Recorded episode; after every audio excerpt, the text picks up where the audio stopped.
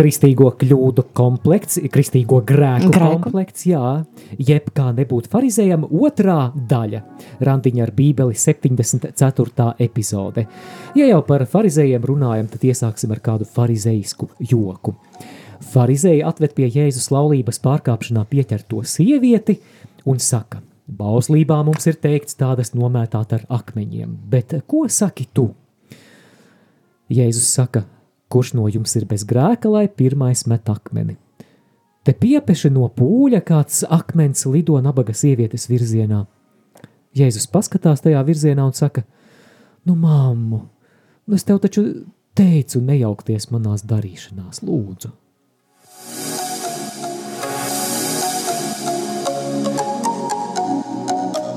Skan randiņš ar bībeli.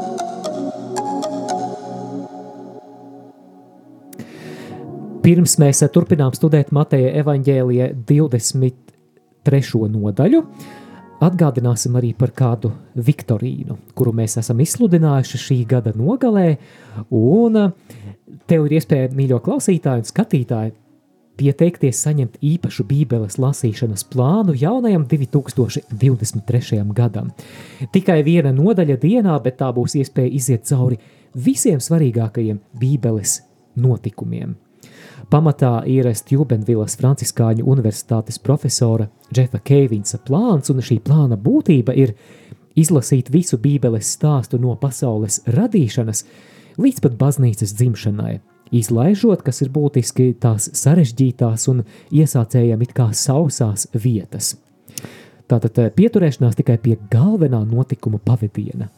Un varbūt kāpēc ir svarīgi tieši Bībeles plānu izmantot, jo patiesība pieturoties pie plāna ir uh, lielākas izredzes, ka jūs izlasīsiet uh, Bībeli, nu vismaz to uh, plānu, kas jums tiek piedāvāts, jo vienkārši jā, pieņem tā, ka nu, es izlasīšu visu Bībeli no sākuma līdz beigam, nu visdrīzāk, visbiežāk cilvēks arī apstājies kaut kur vai nu sākumā, varbūt labākā, labākajā gadījumā vidu, un tāpēc, jā, tāds bībeles lasīšanas plāns ir ļoti labs veids, kā tiešām izlasīt to, ko tu esi iesācis. Un, jā, tas ir aizraujošs veids, kā, kā iepazīt pestīšanas vēsturi un arī kā izlasīt tos, kā iepazīties ar Bībeles svarīgākajiem sižetiem un varbūt nedaudz par to, kā pieteikties un cik ilgi tas plāns ir domāts, cik ilgi lasīt, nu tāds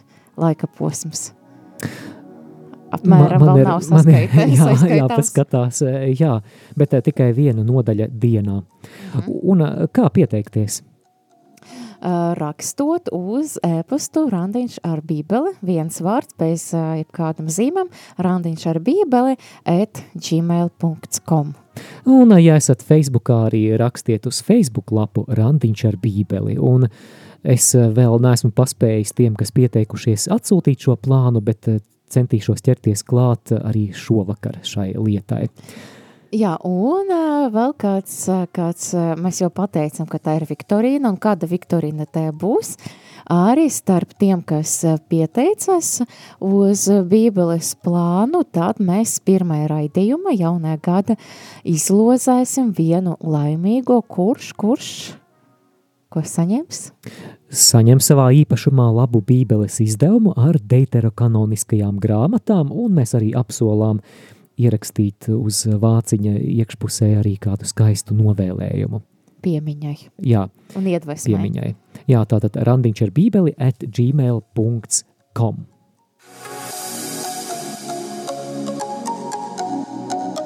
Skan randiņš ar bībeli.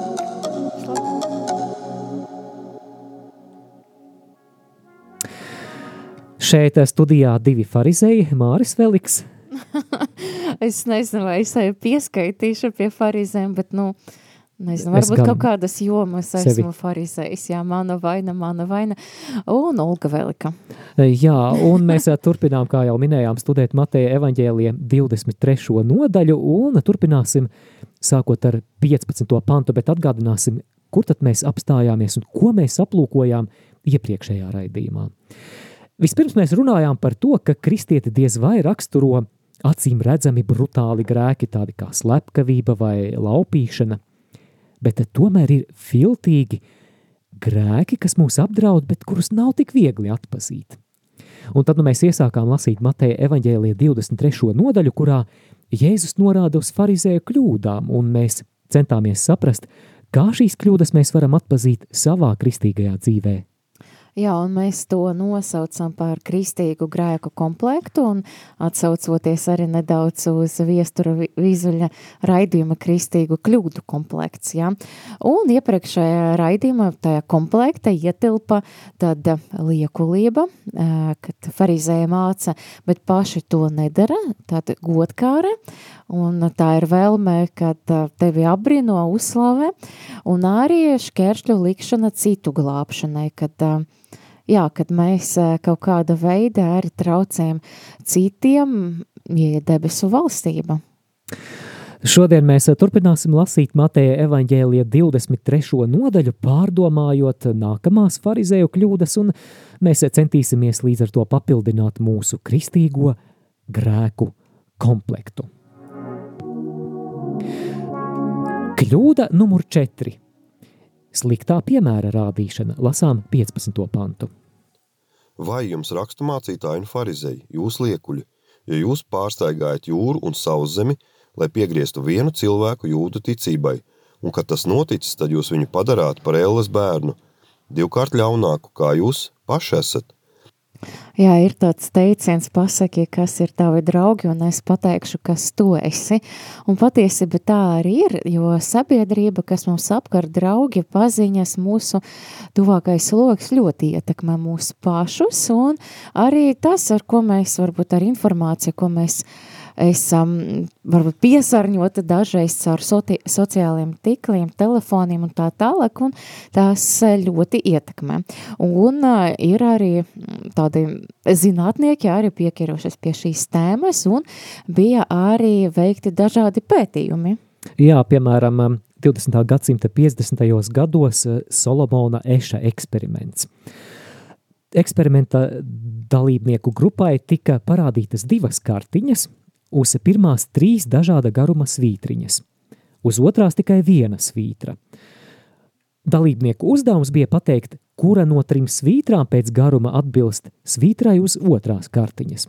Ļoti elementārs, ļoti vienkāršs uzdevums, ar kuru pat mazs bērns varētu tikt galā ar mazu kļūdas iespējamību, izvēloties pareizo variantu.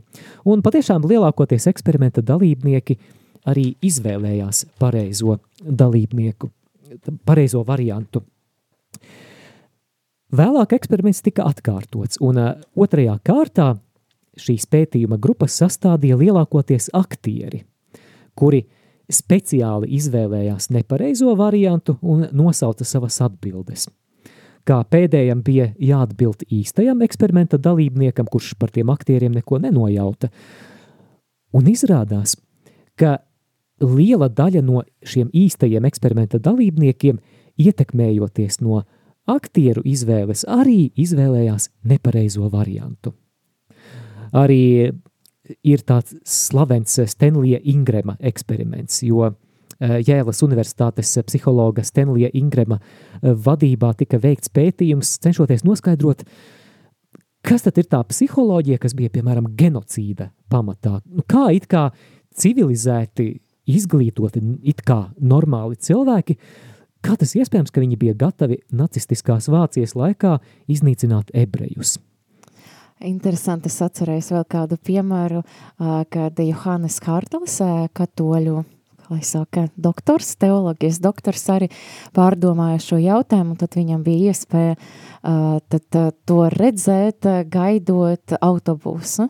Kā cilvēki, kad saprata, ka viņam, viņu ir pārāk daudz un tas autobus ir pēdējais un kā viņi sava starpa saka cīnīties par vietu un kā, jā, kā tā sabiedrība, tu redzi, ka citi cīnas, un tu arī sāc tā darīt. Nu, interesants tāds eh, viņa stāsts no grāmatas uguns mana sirdi, bet mēs lasam arī, ka eh, apustulis Pāvils raksta pirmā, pirmajā vēstule korintiešam 15. nodaļa, ka ļauna sabiedrība samaita labus tikumus. Jā, tad mēs vēlreiz arī no Bībeles pārliecināmies, kā par to patiesību, un arī interesanti psalmisti arī raksta, viņš uh, saprata to, ka ļauna sabiedrība samaita tikumus, un uh, 84. psalma tad uh, raksta stāvēt pie Dieva nama sliekšņa ir labāk nekā mājot bez dievības mājokļos.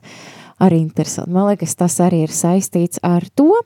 Un um, Jā, kā mēs runājam, ka patiesība mēs varam ietekmēt cilvēkus vai nu uz labu, vai nu sliktu, un Jēzus pārmet farizējiem, ka viņi pārsteigājot jūru un sauzemi, lai piegrieztu vienu cilvēku jūdu ticībai, un kad tas noticis, tad jūs padarat viņu par ēles bērnu, divkārš, divkārt ļaunāku nekā jūs esat paši. Un šeit jau Jēzus runa par to sliktu ietekmi, ko farizēja atstāja. Un, jā, un vēl viņa tā iespaidot to cilvēku, ka padara to par ļaunāku par sevi, bet ja mēs runājam par sevi, kā tas attiecas uz mums, un mēs katrs varam pārdomāt to, vai es atstāju labu iespaidu uz kādu cilvēku, kas man ir blakus, vai sliktu iespaidu, ietekmi. Jā, patiešām mums ir ietekme uz eh, apkārt esošo cilvēku loku, ir īpatnēja grupas dinamika. Man nāk prātā piemērs, ka uh, Iedomāsimies vairākus draugus, kuri sēž vakarā pie galda sarunājas, un pietiek tikai ar to, ka viens sāk aprunāt kādus, un jā. tad, jā, tad slūžas ir. vaļā, un tad arī pārējie, kuri kā to nebija plānojuši, jau jūtās it kā ievilkta šajā aprunāšanas straumē. It kā nekas baigi liels, bet tomēr ietekme. Jā, un Jēzus saka arī par farizēm, ka viņi darīja tā, ka farizējs saka, bet nedarīja tā, ka viņi rīkojas. Un varbūt, ja mēs paskatāmies varbūt uz savu rīcību vai uz kādu kristiešu rīcību, neaparunājot to, bet, protams, mēs varam redzēt, ka uh, mēs iespaidojam, īpaši, ja mēs esam kristieši. Varbūt mēs varam rādīt sliktu piemēru, varbūt tiem, kas ir ārpus baznīcas, par eh, baznīcu, par kristiešiem pašiem, vai arī par tiem jauniešiem, vai arī par tiem cilvēkiem, kas tika ienā, tikko ienāca baznīca, piemēram, dzīvojot atklāta grēka vai praktizējot grēku, kādas atkarības, kādu eh, nešķīstību, mēs savukārt iespaidojam cilvēkus, kas ir baznīca, kas ir ārpus baznīcas, un varbūt kāds cilvēks redzot, ka varbūt kristiešiem tas ir ok dzīvot grēku, viņš pats kļūstot par kristieti, uzskata, ka tas ir norma grēkot vai darīt kādu grēku, un man liekas, rādot piemēru, būdams kristietis un atklāti rādot piemēru uh, par, par grēku, ka mēs grēkojam, varbūt pat lepojamies ar to, man liekas, tas var būt pirmkārtam atraidīt no kristietības, ka cilvēki var pateikt no māles. Ka, jā, liekuļi, jā, liekuļi nekādu es, darīšanu ar viņiem.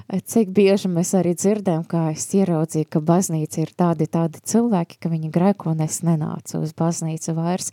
Varbūt kā mēs teicam, ka cilvēki uzskatā, sāk uzskatīt par to, ka tas ir ok, būt par kristieti un grēkot un varbūt arī trešais variants, ka tomēr cilvēks pārdomā un izvēlos to taisno ceļu, ja?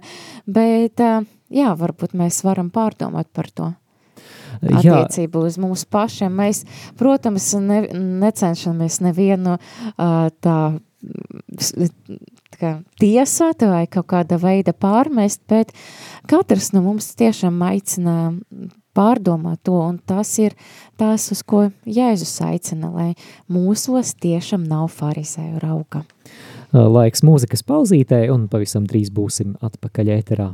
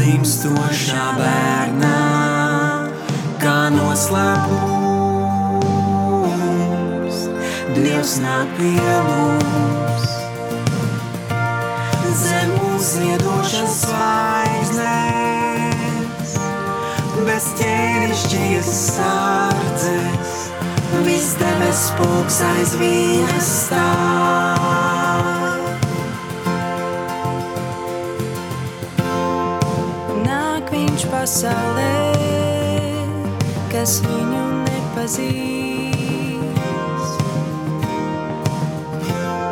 Kā ūdens aizturēts, tas, kur plūst atradīs. Šai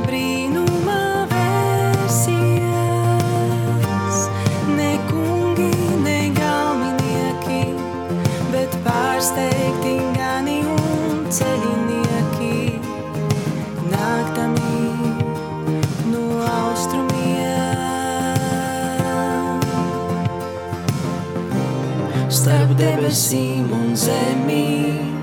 My Radiant Youth. Un uh, Jaurspējs, jaunākajā dziesmā Ziemassvētku stāsts, mēs uh, turpinām raidījumu Randiņš ar bībeli, un uh, šeit studijā ir Olga Velika. uh, un farizējs Māris Veliks. Jā, mēs... drosmīgs teiciens. Mm, Jā, mēs mācāmies no farizējiem 23. nodaļā. Patiesībā mācāmies, kā labāk nedarīt. Un Mhm. mūsu kristīgo grēku komplektu pirms brītiņa papildināja slikta piemēra rādīšana. Bet uh, mēs tagad parunāsim par piekto farizēju problēmu, par ko runā nodaļā Jēzus, un šo problēmu mēs varam nosaukt šādi – pašizdomāti likumi. Pašizdomāti likumi. Lasām no 16. līdz 22. pantam. Vai jums aklie ceļa rādītāji, kas sakāt, ja kas zvēr pie dieva tempļa, tas nav nekas, bet ja kas zvēr pie tempļa zelta, tam tas jāpilda. Jūs ģeķi un aklie, jo kas ir vairāk, vai zelts vai templis, kas svētī zeltu. Un ja kas zvēr pie altāra, tas nav nekas, bet kas zvēr pie upura dāvanas, kas tur virsū, tam tas jāpilda. Jūs ģeķi un aklie, jo kas ir vairāk, vai dāvana, vai altāris, kas svētī dāvanu. Tad, nu kas pie altāra zvēr, tas zvēr pie tā visa, kas tur virsū, un kas zvēr pie tempļa, tas zvēr pie viņa, un tā, kas tur mājo iekšā, un kas zvēr pie debesīm, tas zvēr pie dieva godības troņa, un pie tā, kas uz tā sēž. Ai, ai, ai, no farizēji, farizēji, ko jūs esat izdomājuši? Ļoti jocīgi priekšraksti, mm, kad zvērests ir spēkā, kad zvērests nav spēkā, kad eh, zvēri pie altāra, tad var nepildīt zvērestu, jau, jau piedodiet, bet tas jau skan ļoti aizdomīgi. Savukārt, kas zvēr pie upurdāvanas, tam zvērests ir jāpilda. Tam nav nekāda sakara ar Dieva atklāsmi. Bet eh, jautājums, kad mēs rīkojamies līdzīgi farizējiem? Paskatoties uz sabiedrību, man liekas, mēs eh, ļoti daudz vispār uh, cilvēkos un varbūt arī mūsu pašu, pašu dzīves arī redzam to, uh, to varbūt tā var pateikt mainticību, jā, dažreiz uh, redzam, ka cilvēks tur baidas, ja tur pārskrien uh, ceļu melnais kaķis vai, vai kaut kas, vai nedrīkst sasveicināties un uh, pāris līksnim, un arī dažreiz arī pērkot kaut ko veikala, tad um, arī, arī pārdevējs saka, tad es tev no, nedošu naudiņu, tas monētas rokas, es nolikšu uz, uz galdu un tu tas paņem arī kaut kāda manticība. Un, jā, tad runāt par manticību, tā definīcija tāda, ka tā ir, ir, ir racionāla, nepamatota ticība pārdabiskam ietekmem, kas var izraisīt vai nu labu, vai nu ļaunu, kā arī prakses, kas saistītas ar šādu ticību. Piemēram, jā, tu esi uh, nokavējis, un, ne, nevis nokavējis, ja tev uh, nācas atgriezties mājas, tad tev obligāti jāpaskata spoguli. Vai kāds, Šo nebiju dzirdējis.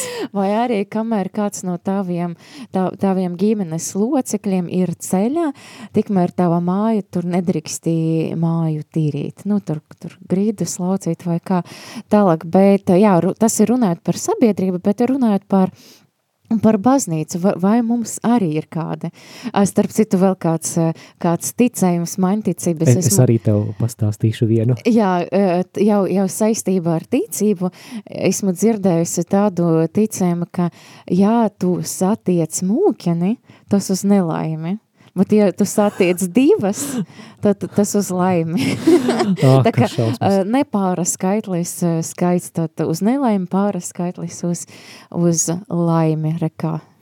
Es esmu Latvijas universitātes absolvents, tā ir mana pirmā augstskola, un interesanti, ka starp Latvijas universitātes studentiem ir māņticība. O, jā, par eksāmenam laikam. Nē, Nē, nē. nē, eh, ir Raņa ielā galvenā Latvijas universitātes ēka, un, eh, un tur ir trepītes uz durvīm. Ir tās, kas taisni iet tieši uz durvīm un no sāniem, no labās un kreisās puses.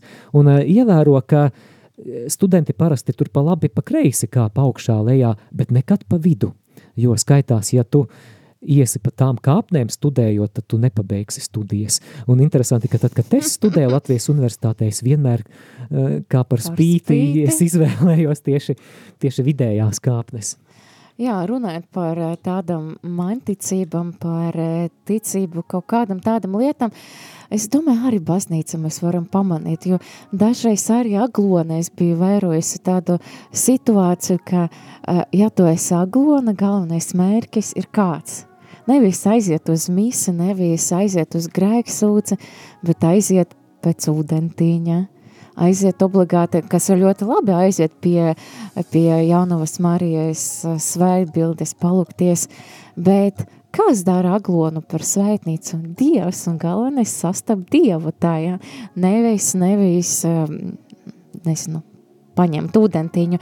Arī biju dzirdējusi arī savā vienu no iepriekšējiem darbiem tādu, tādu situāciju, kolēģi sarunājas, man patiesībā bija ļoti, nu, kā lai sāka nērti, jā, jo viena kolēģi, viņa aprecējas ar katoli, pati ir no citas konfesijas, Viņa stāsta, ka viņa aizbrauca pie sava vīra vecākiem, un, man liekas, bija lieldienas vai Ziemassvētki, un viņa svētdienu, laikam, lieldienas, ja bija svētdiena, un viņa lieldienu rīta taisas dzīvokli iet uh, uz dušiņu, jā, pieņem dušu, un tad uh, viņas uh, vīra vecāki saka, nē, taču svētkos nedrīkst iet uz dušu. Šausmas. Un viņa saka, ah, nē, es neesmu katoli, tā, un aizgāju uz dušu. Un runājot ar viņu, teicu, nu nē, viņi taču ir tādi katoļi praktizējušie. Un man liekas, ka es pat nezinu, ko viņam atbildēt, bet pēc tam sarunāja, ra- runājot ar viņu, uh, mums, mēs tā pārdomājam, to varbūt agrāk tā bija, tā kā mm, to nedarīja, negāja mazgāties tieši svētdien, tāpēc, ka tas bija saistīts ar darbu, tāpēc, ka vajadzēja pirti uzkurināt un sagatavot, un tas patiesība ir darbs, un varbūt tāds, nu diezgan, varbūt tāds palielis, un līdz ar to nav labi iet uz mazgāties svētdien no rīta, bet, nu, tas ir kaut kā pārgājis uz to, kad jau mums ir iespēja bez piepūlēm tomēr nomazgāties, un tas tomēr paliek kā tāda jocīga tradīcija. Šausmas, ko, ja es eh, Ziemassvētkos biju dušā? Nu labi, tas tā jokam. Nomazgāja svētību, Māri. Labi, tas ir tāds eh, diezgan joks, bet, nu, ir sava patiesība. Jā, tātad eh, piektā farizēja problēma, ko mēs atrodam Mateja evaņģēlija 23. nodaļā, ir pašizdomāti likumi. Un eh, kā mēs redzējām, viena no tām izpausmēm, kā tas varētu būt, kā tas varētu attiekties uz mūsu dzīvi, ir sekošana māņticībām visdažādākajām zababoniem. Bet uh, otra lieta – tas var būt tāds kontroversāls temats. Mēs varam runāt arī par laika gaitā ieviesušām reliģiskām normām, kurām mēs piešķiram lielāku vērtību nekā dieva vārdam. Nu, vispār, te, protams, varētu diskutēt, vai baznīcā ir tādas vai nē, varbūt nav. Bet, ja nu ir, Un uh, es tagad izteikšu kādu domu, kādas pārdomas, un uh, tas nav apgalvojums, tas ir tikai aicinājums uz diskusiju. Un es uh, vēlos varbūt arī klausītājus iesaistīt, ko viņi domā par šo jautājumu, proti uh, komunija zem vienas zīmes. Pirmkārt, uh, sākšu ar to, ka es neuzskatu, ka tas būtu kāds ļoti svarīgs un problemātisks jautājums, jo uh, Es eh, pilnībā piekrītu patiesībai, ka Jēzus pilnībā ir klātesošs arī zem vienas zīmes. Un nav tā, ka ja mēs saņemam Jēzu tikai zem maizes zīmēm, ka mēs saņemam mazāk Jēzus. It nemaz. Nē, šeit es pilnībā piekrītu. Bet eh, kur, manuprāt, eh, ir diskusijas vērta lietiņa, es runāju par pieredzi, jo Jēzus ņēma maizi un deva saviem mācekļiem ēst. Tad Jēzus ņem vīna biķeri – un saka, lūk, manas asinis, un dot viņiem dzert. Tātad šī Jēzus miesas un asiņu baudīšana ir pieredze, ko Jēzus saviem mācekļiem ir uzticējis. Bet es šodien redzu, ka nereti šī komunijas prakse tieši zem vienas zīmes lajiem tik ļoti tiek aizstāvēta, tā it kā tā būtu tik aizsargājama vērtība, uh, un, un jautājums, vai, vai tā nav gadījumā kļuvusi svarīgāka par šo Jēzus pavēli ņemiet un ēdiet, ņemiet un dzeriet. Starp citu, interesants uh, fakts, kā šī komunijas došana zem vienas zīmes ieviesās baznīcā. Te nav runa par, par tādiem gadījumiem, kad, piemēram, komunija jau sen tika nesta slimniekiem, protams, tikai zem vienas zīmes to varēja darīt, un tas ir saprotams, bet uh, principā šī prakse ir kā reakcija uz, uz kādu herēzi, kas izplatījās sabiedrībā 15. gadsimtā, tā saucamā utrakvistu jeb kalikstīņu kustība. Nu, viņi uzsvēra tā, to, ka, eh, ka, ka mēs kā katoļi nepiekrītam, ka, ka pilnvērtīga komunija ir tikai zem divām zīmēm. Un tad nu, baznīca reaģējot uz šo maldīgo mācību, Konstances koncilā 15. gadsimta pirmajā pusē noteica komunijas dalīšanu zem vienas zīmes, vēlāk to nostiprina arī Tridentas koncils, bet jautājums, vai minētais iemesls eh, šai pārējai uz vienu zīmi, galu galā šo iemeslu vispār neviens vairs neatcerās, vai šodien tas vēl joprojām ir aktuāls?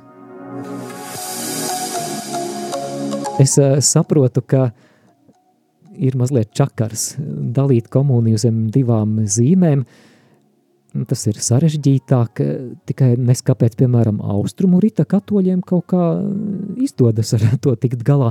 Tātad vēlreiz uzsveru, es to neuzsveru par ļoti būtisku jautājumu, jo es nešaubos, ka pietiek tikai ar vienu veidu, lai mēs Jēzu pilnībā saņemtu. Uh, Bet eh, tomēr tas mans jautājums diskusijai gal galā ir sinodālā ceļa laiks. Vai šī uh, disciplīnas norma, kas ir baznīcā ieviesusies tikai pašos viduslaiku pēdē, pa, pašos viduslaiku beigu posmā, vai tas gadījumā nav kļuvis mums par svarīgāku par Jēzus novēlēto pēdējo vakariņu pieredzi, kā tā ir aprakstīta evaņģēlijos. Ņemiet un ēdiet, ņemiet un dzeriet. Uh, jā, jā, būtu interesanti no klausītājiem dzirdēt, vai, vai viņi piekrīta vai, vai tomēr nē. Jūs droši varat mani apstrīdēt, jo es pats to izsaku nevis kā apgalvojumu, bet kā, kā pārdomas arī šīs raksturvietas kontekstā par šiem pašizdomātajiem likumiem, kuriem maz sakara ar dieva atklāsmi. Iesaisties ēterā, zvanot uz studijas tālruni 67 969 131 vai rakstot īsiņu uz numuru 266 77 272. Izmanto arī e-pasta iespēju Studija at rml.lv.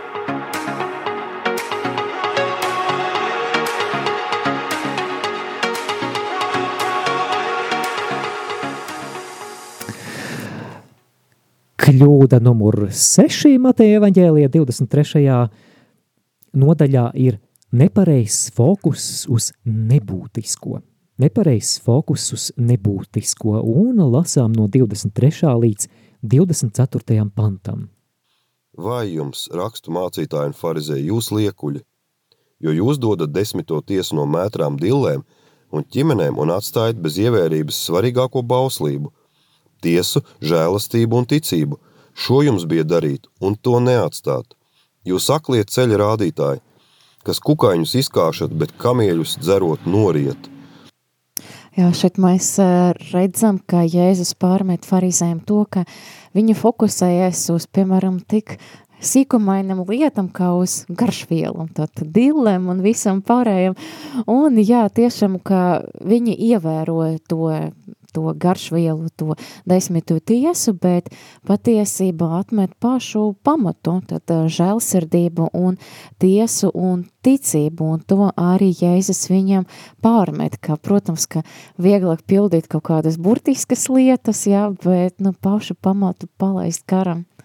Man patīk, kā Jēzus ā, raksturo šo farizēju kļūdu, kas ir koncentrēšanās uz mazāk būtiskām lietām, ka viņš izmanto neparastu, pat diezgan dīvainu līdzību. Viņš ā, runā par to, ka jūs izkāšat odus, mēs varam iztēloties dzērienu, ir kāds kompota vai sulas trauks, un tur, tur ir odi, un tad šie farizēji tur tā sīkumaini pārbauda, tur izķeksē katru mazo odiņu, bet nepamana, ka šajā, šajā kompota kausā ir kamielis, kurš starp citu tajā laikā tika uzskatīts par lielāko nešķīsto dzīvnieku.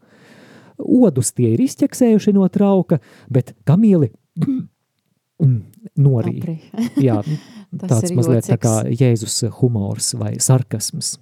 Jā, ļoti interesants sarkasms, bet atkal mēs varam paskatīties uz savu dzīvi un padomāt, nu, kur tas ir tas situācijas mana dzīve, kur varbūt es eh, rīkojos līdzīgi. Mēs jau pieminējām aglonu par to, ka varbūt svētas misas vietā aiziet, aiziet cilvēki pie ūdens un vai kaut ko arī izdara, kas nav tik ļoti, ļoti būtisks, ka, ka, ka tiešām, ka piedalīties svētē mise vai arī tur obligāti nopirkt svecīti un nolikt tur, bet nepalūkties Dievam, bet uh, arī sava dzīve, piemēram, es pamanu, ka dažreiz ir situācija, ka man ir labs nodoms, piemēram, es gribu iet uz baznīcu, gribu lūgt, es varbūt aiziet uz mīsu un liekas, nu tas ir pats galvenais, tas ir attiecības uz, ar, ar Dievu, bet ir kāda iespēja varbūt palīdzēt cilvēkam, kas ir uz ielas guļ.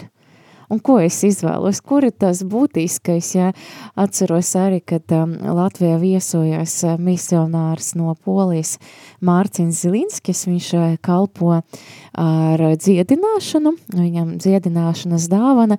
Viņš arī par sevi runā, ka viņam arī tāds piemīt farizeisms, viņš uh, iet uz uh, misi, un viņš pamana uz ielas iet kā cilvēks, kas ir nu, slims, kam ir vajadzīga dziedināšana. Un viņš saka, ai, nē, es par viņu nelūkšos, es taču eju Dievu lūgt. Un arī tas jautājums par to, ka, nu, kur ir tā prioritāte, ko īsti grib Dievs. Viņš laikam vēlas, lai mēs sludinam, lai mēs palīdzam. Protams, ka ir, nu, ja ir iespēja arī vēlāk atnāk uz mīsu, nu, tā lai jau ir. Jā. Kādā no randiņiem ar bībeli es reiz minēju arī piemēru no savas dzīves. Es vēl salīdzinoši nesen biju piedzīvojis atgriešanos un es nokārtoju autovadīšanas eksāmenu. Es ieguvu tiesības un interesanti, ka šis notikums sakrita ar pelnu trešdienu, ar lielā gavēņa sākumu, kas ir viena no stingrā gavēņa dienām mums katoļiem. Es aizgāju uz mājām, es toreiz īrēju istabiņu pie kādiem pensionāriem un Un mani sagaida saimniece ar kūpošu karbonādi ar kartupelīšiem un salātiņiem. Brīdī, kad, kad es esmu apņēmies stingri gavēt, un manā priekšā bija izvēle, nu, ko izvēlēties, vai šo stingrā gavēņa principu, vai arī žēlsirdību, jo, jo es pieļauju, ka šī kundze justos atgrūsta, varbūt apbēdināta, ja es pateiktu, piedodiet, bet es šodien neko nēdu. Un tu ēdi. Jā, laiks mūzikas pauzei un pavisam drīz būsim atpakaļ.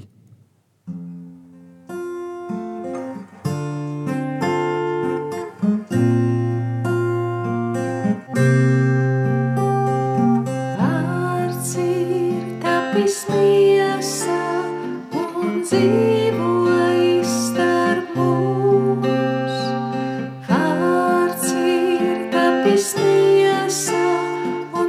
redzējām viņa godību.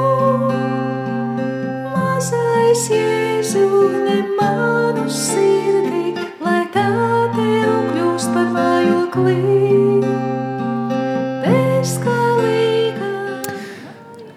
Mums ir eh, zvans ēterā, lūdzu. Lai slavēts Jēzus Kristus. Mūžīgi mūžam slavēts.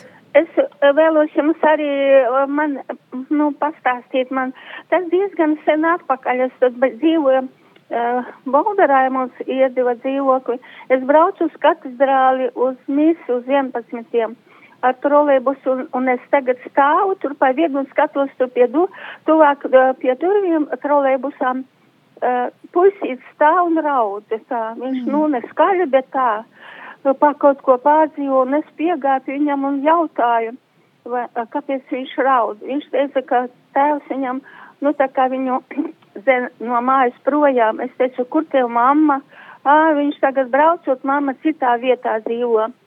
Un es grūti gribēju teikt, un uh, tur es izkāpu pie tās uh, pirmās vidusskolas ārā, bet pēc es tam uh, nožēloju ļoti, jo es pirmkārt nepajautāju viņam vārdiņu, un otrkārt, uh, kad es, man vajadzēja viņam braukt, es domāju, līdzi pie tās mammas, varbūt ar mammu parunāt. Un es domāju, vai es pareizi, ko, kāpēc es gribu jautāt, vai es pareizi, es domāju, ka es nepareizi rīkojos, ka es izkāpu aizgāju uz baznīcu, it kā to vairāk man tas bija piesīts, bet es atstāju to puisīti vienu pašu, nu, droši vien, ka viņš zina, kur tā mamma dzīvo, jo viņš teica, ka pie mammas braucot. Nu, tad es domāju, ka es arī nepareizi, man vajadzēja varbūt braukt eh, viņam līdzi, kā, kā būtu bijis pareizāk darīt. Paldies, ka uzklausījāt. Paldies, mīļš! Paldies par jūsu liecību. un Man šķiet, ka jums ir ļoti, ļoti laba sirds. Uh, jā, tev, Olga, ir kas sakāms? Man, es nevaru pateikt, kas ir pareizi vai nepareizi. Man liekas, mēs visi mācāmies varbūt no mūsu kļūdām, un varbūt uh, man arī bija gadījumi, kad es kaut kā tā arī izdarīju tā, kā, par ko es pēc tam nožēloju, bet tas man deva tādu iedvesmu nākamreiz tad izdarīt citādāk, jo mēs, nu, visi mācāmies, jā. Jā, ieklausāmies savā sirdsapziņā un vēlāk līdzīgās situācijās iespējams, ka rīkojamies citādāk. Bieži vien mēs impulsīvi rīkojamies. Jā, mēs, jā, tas, tas arī esmu pārliecināts, ka, ka klausītāja tas, tas nebija aiz, aiz eh, ļauna prāta. Mm. Nē, noteikti nē, bet, eh, bet eh, mēs bieži tā rīkojamies un tikai tad vēlāk padomājam, nu kā es varēju rīkoties citādāk. Jā, bet nu, tur droši vien kādiem morāla teologiem vairāk jājautā par šo lietu. Bet paldies, kā piezvanījāt un padalījāties. Jā, man liekas, mēs visi varam mācīties no savu pašu kļūda, mācāmies ieklausīties, uz ko tad Dievs mūs aicina.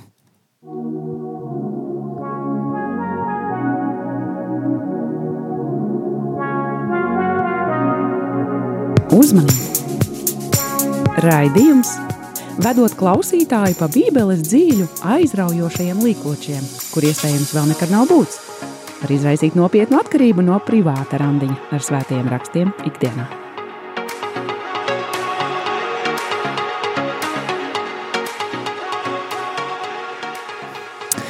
Ķeramies klāt septītajai problēmai farizēju ikdienā, viņu domāšanā, viņu uzvedības veidā, un mēs tulīt ļoti gudru terminu nosauksim, bet vēlāk arī visu centīsimies paskaidrot. Integritātes trūkums. Un par integritātes trūkumu mēs lasīsim sākot no 25. panta pēc kāda brītiņa, bet vispirms es vēlos paskaidrot, kas tad īsti ir personas integritāte. Ja mēs latviskot acīm redzot, viss atbilstošākais tulkojums būtu personas viengabalainība. Nav skaidrāk. Jā, es paskaidrošu. Tātad tāds vienkāršākais skaidrojums būtu, ka tu kā personība esi integrēts tad, ja tu vienmēr esi īsts. Piemēram, kāds tu esi tad, kad tu esi mājās un kad tevi neviens neredz, un tas, kāds tu esi cilvēkos – tās nav divas dažādas mhm. personas. Tava dzīve ir kā tāds vienots kopveselums. Tas nav tā kā torte, kas sagriezta gabaliņos, un iztēlosimies, ka katrs gabaliņš ir kāda dzīves sfēra. Te man ir darba sfēra, te man ir garīgā dzīve, šeit ir, šeit ir mana slepenā grēku dzīve, kuru es mēģinu slēpt no citiem, šeit ir manas attiecības un tā tālāk un tā tālāk, un, un atkarībā no tā, par kuru uh, dzīves sfēru ir runa, iespējams, ka mana uzvedība, mana pieeja ir pilnīgi citādāka. Jā, tas nozīmē, ka patiesībā ar katru cilvēku, ar ikvienu cilvēku, tu esi tas pats, tu esi autentisks, tā var vēl tādu vienu sarežģītu vārdu pateikt, un arī neatkarīgi no tā, par kuru dzīves sfēru mēs runājam. Tad tu, nemainies, tu nenēsa maskas, es nerunāju par tām maskam, ko mēs pandēmijas laika nesējam, bet par tām maskam, uzvedības maskam, pār tiem uzvedības modeļiem, ko mēs ar vienu draugu vai ar citu draugu vai kāda cita sfēra īstenojam. Tas nozīmē, ka tu esi īsts, ne, neesi viltojums, neesi kāda kopija un ne, nepielāgojas cilvēkiem. Nāk prāta varbūt Keiniņš Saulis, kurš pielāgojas un um, jā, viens viņš bija ar Dievu, viens viņš bija ar pravieti un ar cilvēkiem bija cits un tad viņš arī zaudēja savu, savu um, valstību, tātad valdīšanu. Un jā, varbūt uh, mēs esam vieni ar saviem ģimenes locekļiem, citi ar draugiem, vēl citi ir baznīca un pavisam citādi ir ar, nezinu, sava darba. Un uh, jā, bet man liekas integritātes tāds jautājums, ka tu esi uh, attiecības ar Dievu un visas savas dzīves sfēras un paturi Dievu pirmajā vieta. Nu, man liekas, man personīgi, ka tā ir atslēga, tas palīdz. Tā, nu, pārī personīgi man, piemēram, arī kāda laicīgajā vide, protams, ka ir tendence tad pielāgoties laicīgajam normam, bet man liekas, arī laicīgajā vide to atceries, ka es esmu uz, es uzticos Dievam, un Dievs ir mans kungs, un es nerīkojos tā, ka laicīga vide no manis to pieprasa, un tāda veida esmu viengabalains. Lasīsim no 25. panta un uz priekšu, un mēs redzēsim, ka farizējiem trūkst šīs integritātes vai viengabalainības. Mēs lasīsim par to, ka viņiem ir skaista fasāde, bet uh, brieks, briesmīgs saturs. Vai jums rakstu mācītāji un farizēji jūs liekuļi, jūs šīs tad biķeri un bļodas ārpusi, bet no iekšpuses tie ir pilni laupījumu un negantības. Aklais farizējs šķīsti pa priekš biķera un bļodas iekšpusi, lai šķīsta top arī viņa ārpuse. Vai jums rakstu mācītāji un farizēji jūs liekuļi, jo jūs esat līdzīgi nobaltētiem kapiem, kas no ārienes gan izskatās jauki, bet no iekšienes ir pilna ar miroņu kauliem un visādu netīrību – Tā arī jūs no ārienes gan izrādāties ļaužu priekšā kā taisni, bet iekšķīgi esat liekulības un netaisnības pilni. Jā, tad Jēzus pārmet farizējiem integritātes trūkumu, mēs mācāmies, kā nebūt par farizējiem, un šeit tas izpaužas tā, ka uh, Ārā viņi izskatās ļoti labi, viss ārēji ļoti labi, bet viss pilns ar samaitātību. Viņš sa salīdzina to ar bļodu, kas ārēji ir tīra, iekšā netīra, un pat var tāds baisa salīdzinājums ar, ar kapiem, kas ir nokrasoti, bet iekšā ir, nu, pavisam kaut kas ļoti slikts, un varbūt mēs varam uzdot arī sev tādu pašu jautājumu, vai esmu visas dzīves sfēras, esmu tas pats, jā, viens tas pats, vai es tikai parādu varbūt cilvēkiem, bet iekšā man nav, nav nekas labs, un arī varbūt apmeklējot baznīcu, varbūt baznīca esmu viens cilvēks, izvērot no baznīcas pilnīgi cits cilvēks, un atceramies, ja mēs ejam baznīca reize nedēļa, tad, nu, lielākā mūsu dzīve paiet ārpus baznīcas, un kāds es esmu? Man nāk prātā viens piemērs šādam nobalsinātam kapam, bet es pat nezinu, vai to minēt vai neminēt. Nu, labi, mm, tas būs no ASV, no Katoļu baznīcas ASV pēdējo eh, gadu vēstures. Runa ir par, noteikti daudz ir dzirdējuši, par bijušo ASV kardinālu Teodoru Makariku. Viņš bija cienīts viens no ietekmīgākajiem katoļu baznīcas kardināliem ASV, bet atklājās, ka aiz šīs kardināla fasādes slēpjas cilvēks, kurš gadu desmitiem ir veicis seksuāla rakstura smagus pārkāpumus, arī pat nepiedienīgu izturēšanos pret semināristiem. Un, manuprāt, lūk, ļoti, ļoti toksiska integritātes trūkuma piemērs. Nu, par laimi, 2018. gadā viss nāca gaismā, un šis kardināls Makariks tika laicizēts. Protams, Tas nozīmē, jā, ka viņš vairs nav prie... Nu. Nu, viņš ir atcelts no kalpošanas, mm -hmm. viņam ir atņemti visi tituli. Tas gan nemazina to postu un ieļaunojumu, ko slēpjoties aiz kardināla fasādes, viņš jau bija paspējis nodarīt daudzu gadu desmitu garumā.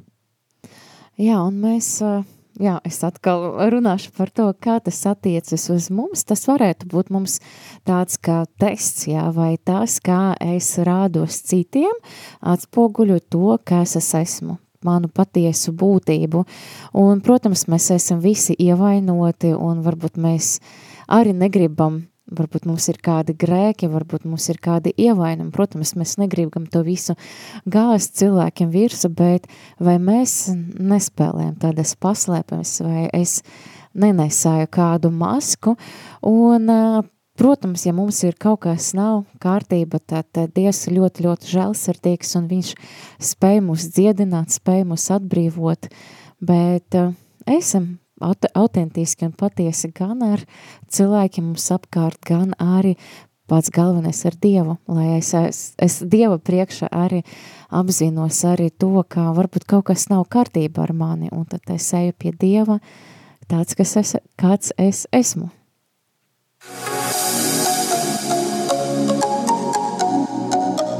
Skan randiņš ar bībeli.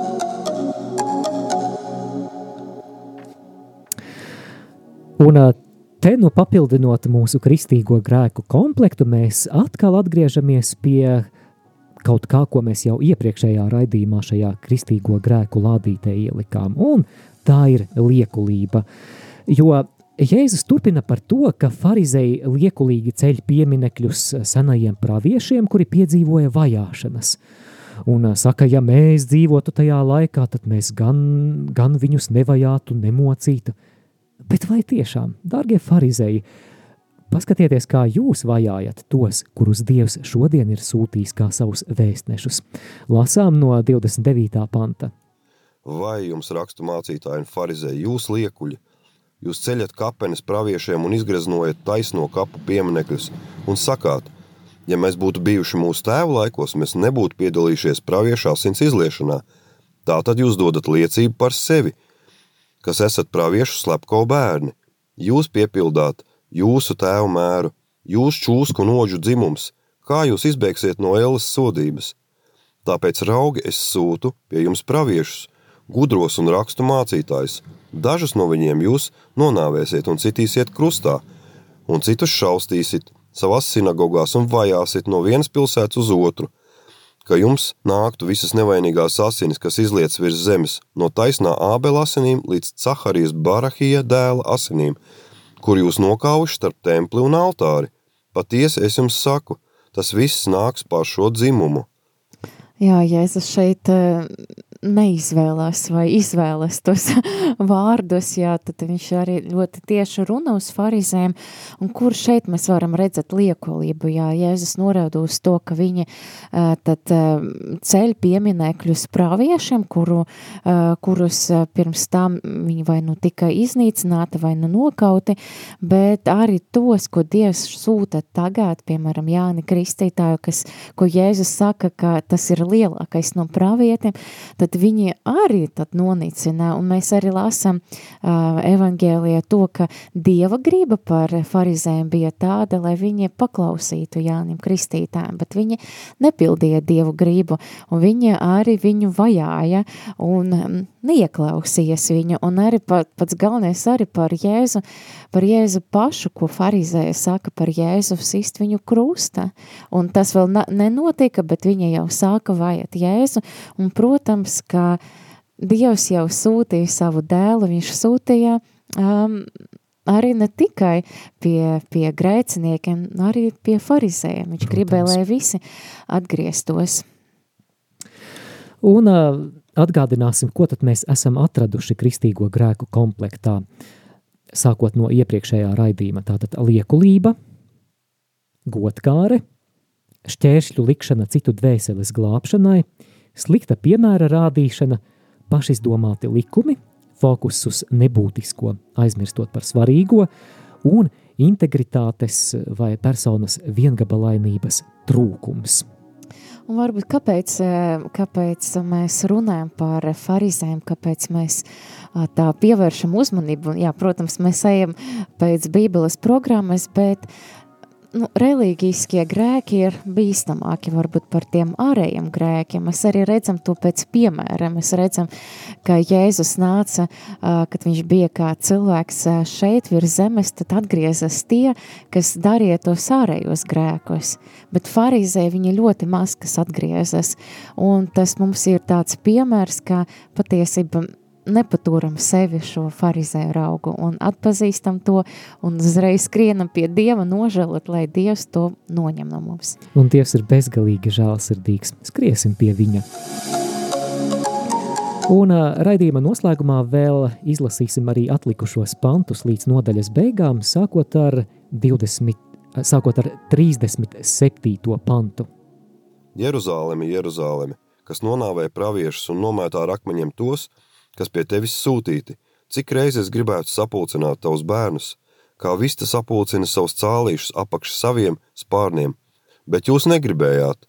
Raugi jūsu nams tiks no Dieva atstāts, jo es jums saku, jūs mani no šī laika neredzēsiet. Tiekams jūs sacīsiet, slavēts, kas nāk tā kunga vārdu sanāca jocīgs skaņu efekts beigās, bet jā, slavēts, Tas nebija kas, speciāli. Jā, kas nāk kunga vārdā. Jā, Jeruzaleme, Jeruzaleme.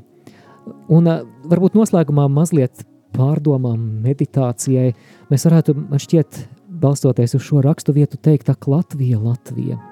Kāpēc tu atraidi Dievu?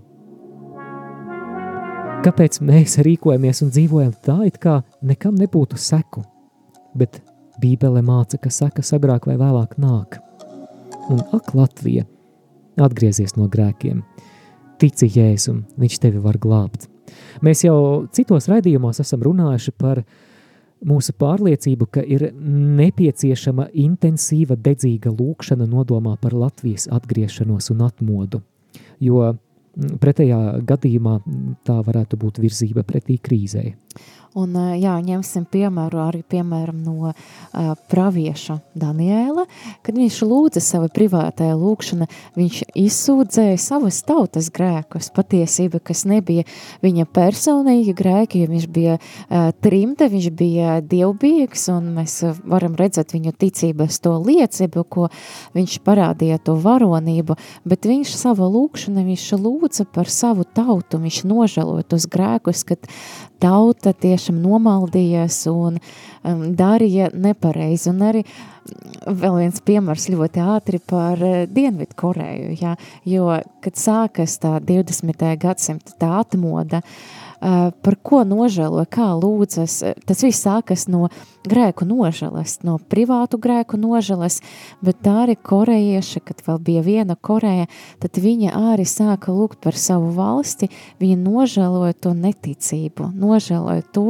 ka Dievs, ka, ka tauta ne, nu, nemeklē Dievu, un patiesība Dievs atbildē uz to lūkšanu. Tagad Dienvidu Koreja katrs trešais ir kristietis. Slava Dievam! Randiņš ar bībeli. Praktisks padoms bībeles lasītājiem. Praktisks padoms. Jā, beigās tikai atgādinājums. Piesakies saņemt īpašu Bībeles lasīšanas plānu 2023. gadam. Jauns gads, jaunas apņemšanās, un tā, tā būs tikai viena nodaļa dienā, kas, kas ir pavisam nesāpīgi, bet tā būs iespēja iziet jā, cauri visiem svarīgākajiem Bībeles notikumiem, visam Bībeles stāstam, pagaidām atliekot maliņā tās rakstu vietas, kas ir sarežģītas, kur ir tie sausie priekšraksti un ciltsraksti un jā, varbūt arī kādi praviešu komentāri, jā. Jā, ko varbūt uzreiz iesācējs eh, var, var grūti sagramot. Jā, um, jā, piesakies rakstot uz e-pastu randiņš ar bībeli bez uh, punktuācijas, bez kādiem mm, zīmēm, mikstinājumiem vai kādam citiem, tad randiņš ar bībeli viena vārda at gmail.com. Un, uh, protams, arī varat Facebookā rakstīt uh, lapā randiņš ar bībeli, droši uzrakstiet un tad arī centīsimies nosūtīt jums šo bībeles plānu. Un kas ir svarīgi, ka Viktorīna, Viktorīna jā, jaunā gada pirmajā randiņā ar bībeli mēs izlozēs, iz, izlozēsim vienu no jums, kas savā īpašumā saņems ļoti jauku, labu bībeles izdevumu ar rāvējslēdzējiņu, ar deitoro kanoniskajām grāmatām, tātad viss katoļu komplekts, un tad jā, viens no jums būs laimīgais. Bet, nu, protams, ne jau lai tā grāmata stāvētu plauktā, bet tad, ja jūs apņematies, jā, apņematies 2023. gadu padarīt par savu Bībeles gadu.